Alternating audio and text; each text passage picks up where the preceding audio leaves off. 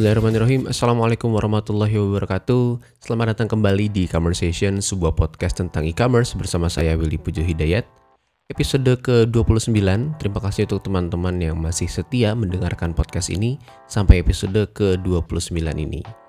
Ini apresiasi saya yang setinggi-tingginya Untuk teman-teman yang sudah berkenan meluangkan waktunya Sekitar 20 menitan ya Untuk mendengarkan podcast yang gak ada apa-apanya ini. Ngomong-ngomong bagaimana kabarnya? Semoga sehat-sehat aja ya. Harusnya sih sehat karena belakangan ini udara di Jakarta lagi bersih banget ya dari polusi. Ya Allah itu beneran kelihatan awannya ya. terus kalau teman-teman setiap hari lewat Sudirman, terus lihat gedung BRI itu biasanya ketutupan asap polusi. Beberapa waktu lalu sampai kelihatan jelas banget itu, masya Allah sampai terharu saya. Kemudian bahkan ada yang sampai komen di X ya atau dulu Twitter ya kalau mereka bisa lihat gunung gede yang ada di Bogor sana dari Jakarta Utara, dari Pluit kalau nggak salah, itu seindah itu ya kalau nggak ada polusi. polusi menyebalkan sekali. Dan ya, saya tidak akan promosi motor atau mobil listrik. Walaupun kabarnya pajak motor bensin akan dinaikkan ya. Oke, episode ke-29 ini saya akan membahas tentang salah satu entitas dari kerabat dekat dengan e-commerce. E-commerce kalau nggak ada dia, nggak tahu ya mau jadi apa. Sampai akhirnya banyak yang mau jadi kerabat dalam tanda kutip ya, saling rayu, saling lobby, demi menjadi mitra atau partner utama dari e-commerce. Siapa dia? Sebelum itu, seperti biasa, kita masuk ke tiga update terbaru seputar e-commerce. Yang pertama datang dari total transaksi e-commerce di Indonesia sepanjang tahun 2023 jadi saya baca kutipan beritanya ya, Bank Indonesia mencatat transaksi e-commerce di Indonesia mencapai 453,75 triliun. Saya ulangi, 453,75 triliun sepanjang tahun lalu. Asli, itu duit semua ya. Gila, 453 triliun. Menurut CNBC, nilai transaksi tersebut dibelanjakan untuk 3,71 miliar barang. 3,71 miliar barang Menurutnya, tren ini terus meningkat sejalan dengan perubahan perilaku masyarakat luar biasa. Jadi, kalau teman-teman merasa kayaknya udah nggak ada yang main online deh gitu kan. Sekarang kayaknya setelah pandemi semua orang mainnya offline deh. Kayaknya kurang tepat ya asumsinya ya. Karena nilainya masih naik terus dan nilai transaksinya yang luar biasa fantastis. Tadi sampai 435 triliun. Mantap. Yang kedua datang dari Tokopedia yang akan mati cepat atau lambat. Ini menarik sebetulnya. Jadi dari wawancara beberapa media kepada CEO GoTo ya Pak Patrick Waluyo, beberapa orang mempertanyakan terkait keputusan beliau yang menjual dalam tanda kutip ya sahamnya sebanyak itu sampai 75% ke TikTok atau ByteDance. Like why gitu loh, kenapa?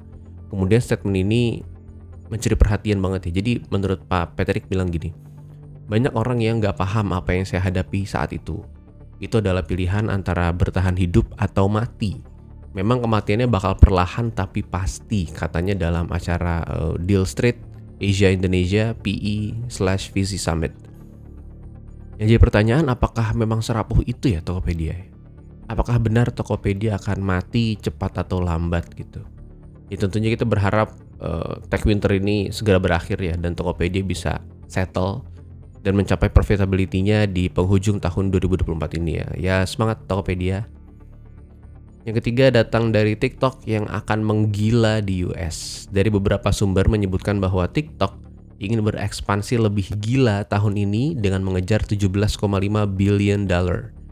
Target omsetnya nggak main-main ya. Amazon di Q3 2023 itu revenue-nya di 143 billion US dollar. Berarti kalau TikTok ngincar 17,5 billion dollar itu berarti 12% kurang lebih dari marketnya Amazon. TikTok Shop kabarnya udah mendatangkan beberapa barang dari US, khususnya barang perintilan. Nah uniknya TikTok di US ini tidak hanya bertarung dengan Amazon. Kalau kita berasumsi wah TikTok akan melawan Amazon di US, tidak juga. Mereka akan bersaing dengan Timu, TAMU, dan Shane.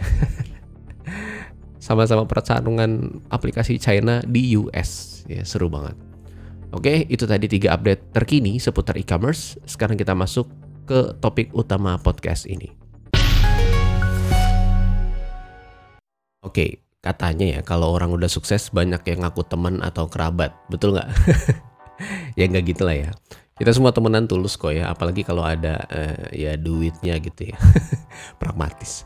Oke, kita akan membahas satu uh, apa ya subjek ya atau entity yang menjadi kerabat dekat banget dengan e-commerce, baik itu online store, marketplace atau apa pun itu. Siapa dia? Yes, distribusi alias perusahaan logistik. E-commerce gak ada logistik itu kayak ngaku anak skena tapi nggak pakai celana kargo lah atau nggak ngopi gula aren di cafe lah gitu terasa nggak lengkap ya logistik dan e-commerce itu mutualisme sekali gini gini jadi sekarang kita coba breakdown dulu tentang logistik yang saya maksud. Logistik yang saya maksud adalah perusahaan delivery. Entitas bisnis yang mendeliver atau mengirim barang dari tempat sumber di mana barang itu disimpan ke tempat tujuan.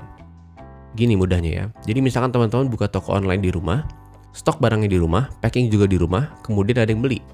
Berarti teman-teman harus mengirim barang dari rumah tempat teman-teman memproses barang itu ke tempat yang sudah ditentukan oleh pembeli tempatnya di mana aja ya terlepas dari dia dropshipping atau end user maka alamat tujuan ini goalnya gitu ya sesimpel itu sebuah entitas bisnis yang bertugas untuk mengantar barang pesanan dari tempat penjual ke tempat tujuan proses ini bisa lebih kompleks ya kalau teman-teman melakukan transaksi dari luar negeri misalnya maka harus melalui proses custom atau B2B jadi kirim gudang ke warehouse kemudian nanti ada reverse delivery order gitu atau DO balik itu itu lebih ribet lagi dan itu topik yang lain.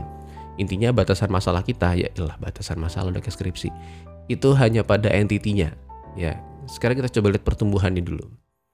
Agak sulit bagi saya menemukan data yang valid ya terkait jumlah paket terkirim sepanjang tahun 2022 atau 2023. Dari beberapa sumber ini cukup beragam ya akhirnya kita coba hitung manual aja ya. Saya dapat data dari kata data yang sepertinya cukup representatif. Jadi datanya itu ada 5 ranking perusahaan logistik yang cukup banyak melakukan pengiriman sepanjang tahun 2021. Jadi yang pertama ada GNT, perusahaan logistik dengan volume 2 juta paket per hari. Kemudian JNE 1,6 juta paket per hari. Posisi ketiga ada si cepat 1 juta paket per hari.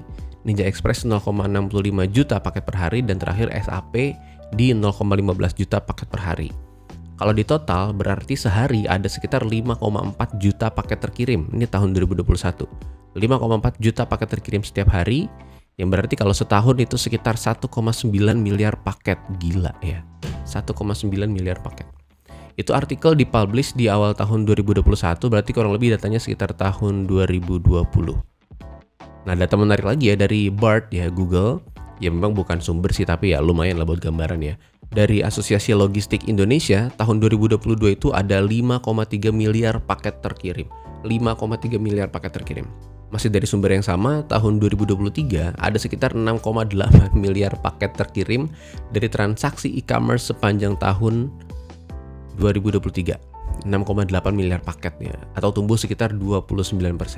Nah ini menarik ya, data dari Kompas emang bilang rata-rata pertumbuhan logistik e-commerce itu sekitar 28 sampai 29% per tahun.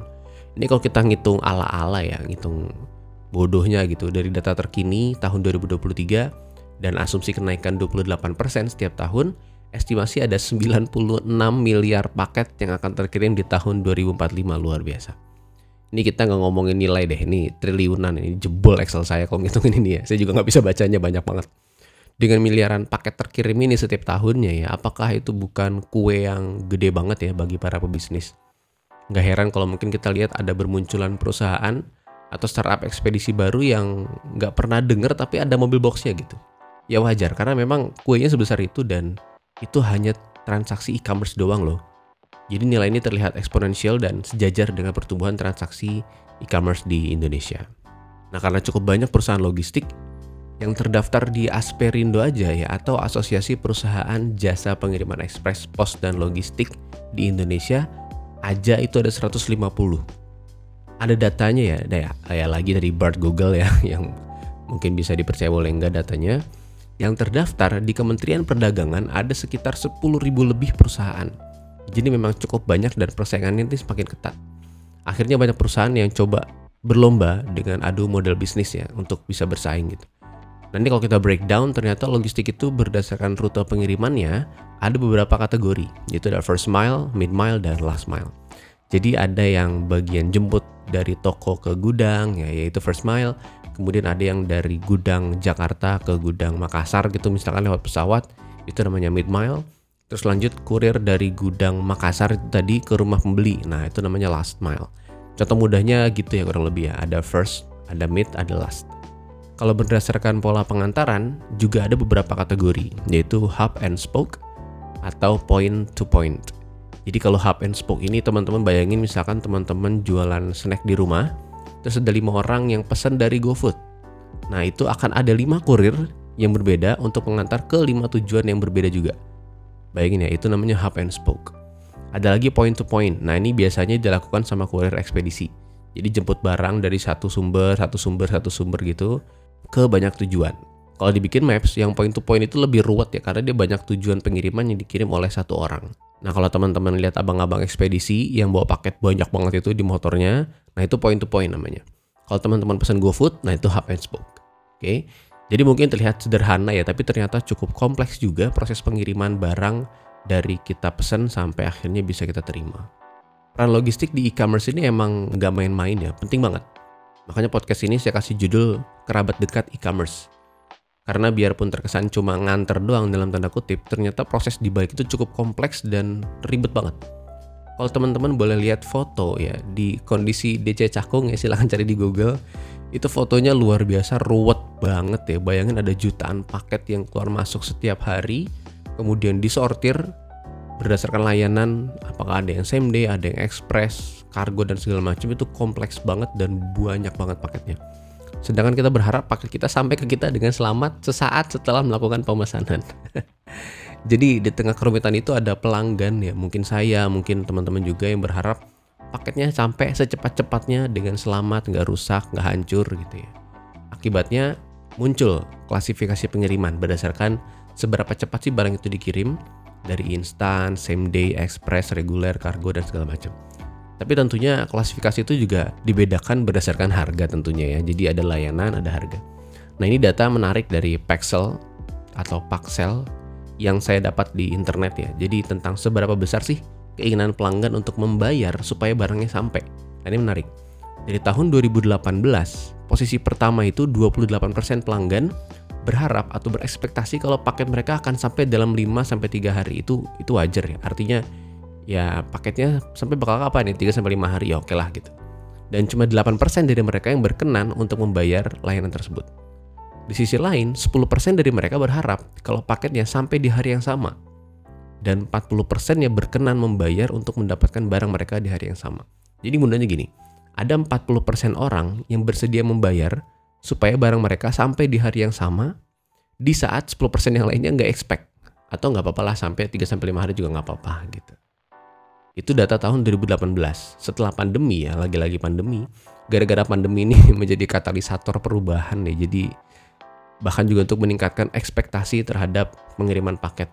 Data dari Statista tahun 2022, Global Expectation Delivery, sekarang hampir 40% berharap sampai dalam 24 jam, bayangin. Mungkin kalau kita same day ya, dan 20% bilang kalau bisa kurang dari 2 jam. Seru banget ya. Jadi industri pengiriman ini atau delivery ini semakin tertantang untuk memenuhi kebutuhan customer yang semakin tidak sabaran ini.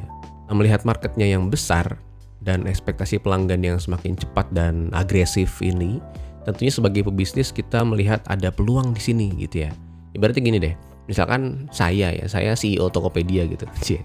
Kemudian setiap bulan ada atau setiap quarter itu laporan ya. Saya lihat data pengiriman yang dilakukan oleh jasa ekspedisi tertentu. Misal JNE gitu. Wah, gede banget ya. Terus wah ini JNE ternyata dapat kuenya besar juga ya dari pengiriman kita ya. Kenapa kita nggak bikin sendiri aja gitu. Atau misalkan di-trigger dari hal-hal yang mungkin kurang menyenangkan. Jadi wah ini kita dapat banyak komplain nih dari pengiriman nggak tepat waktu gitu kan dari jasa ekspedisi X gitu misalkan. Udahlah kita bikin sendiri aja gitu. Bisa juga kan. Nah, dan hal, hal seperti itu cukup lumrah terjadi di e-commerce. Bukan hanya marketplace, namun juga e-commerce based business atau online store. Contohnya adalah Shopee. Shopee itu punya SPX. Pasti teman-teman yang cari gratis ongkir kenal dengan layanan ini ya. Tertempel di resi paket itu SPX gitu.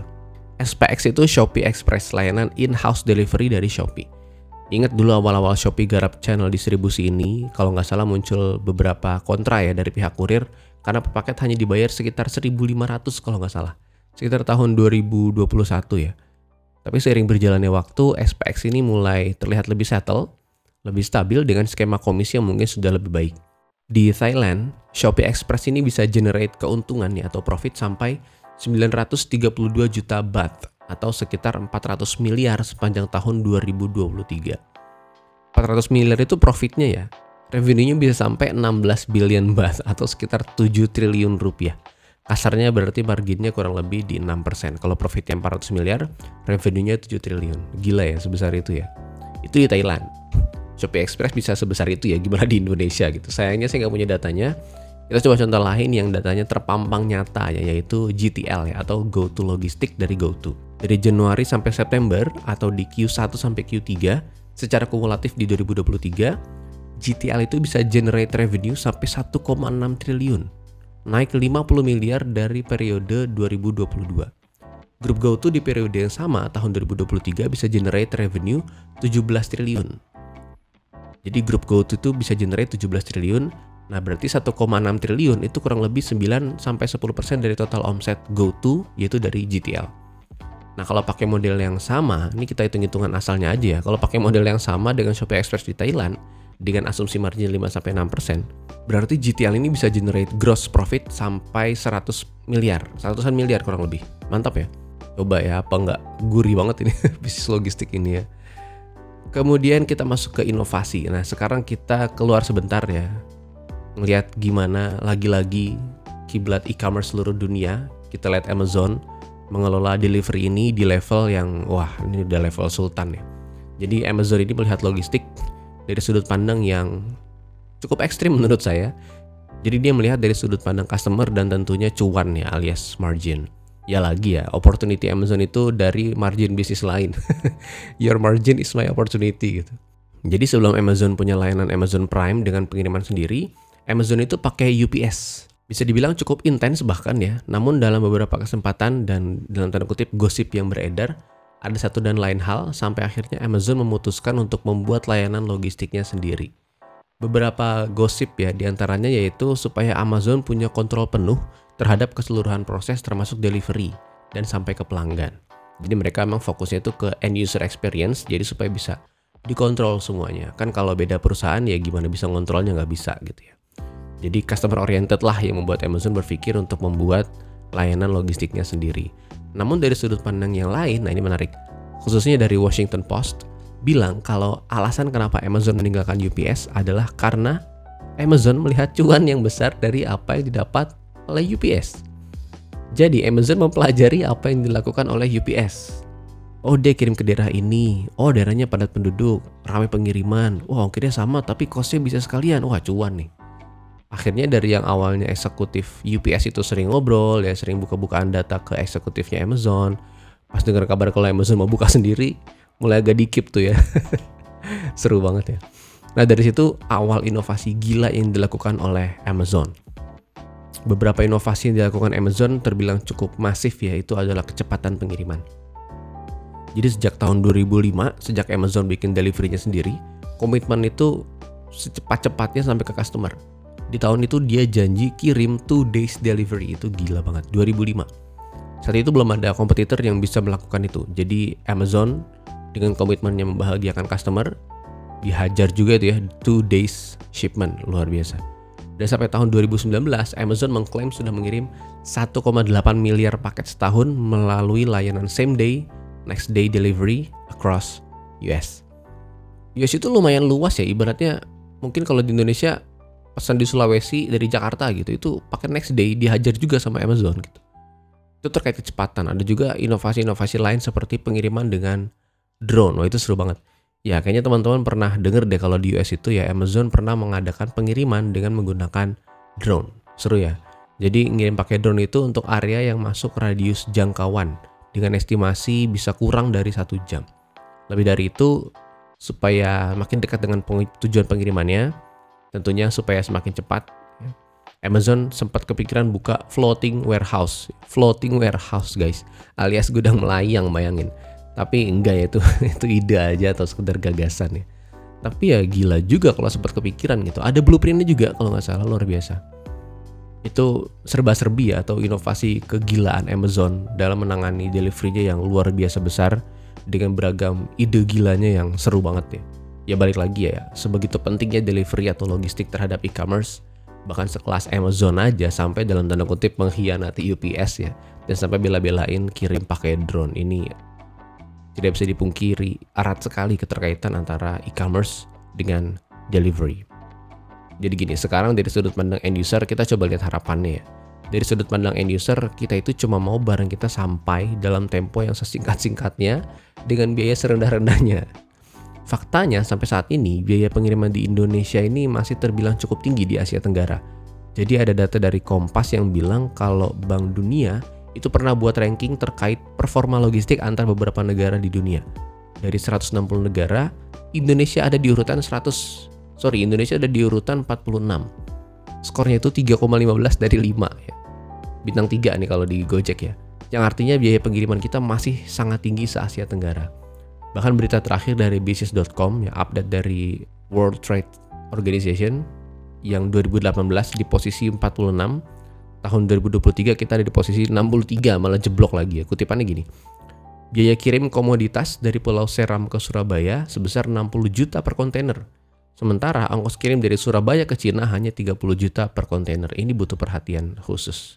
Kutipan beritanya begitu. Ada data juga dari data box.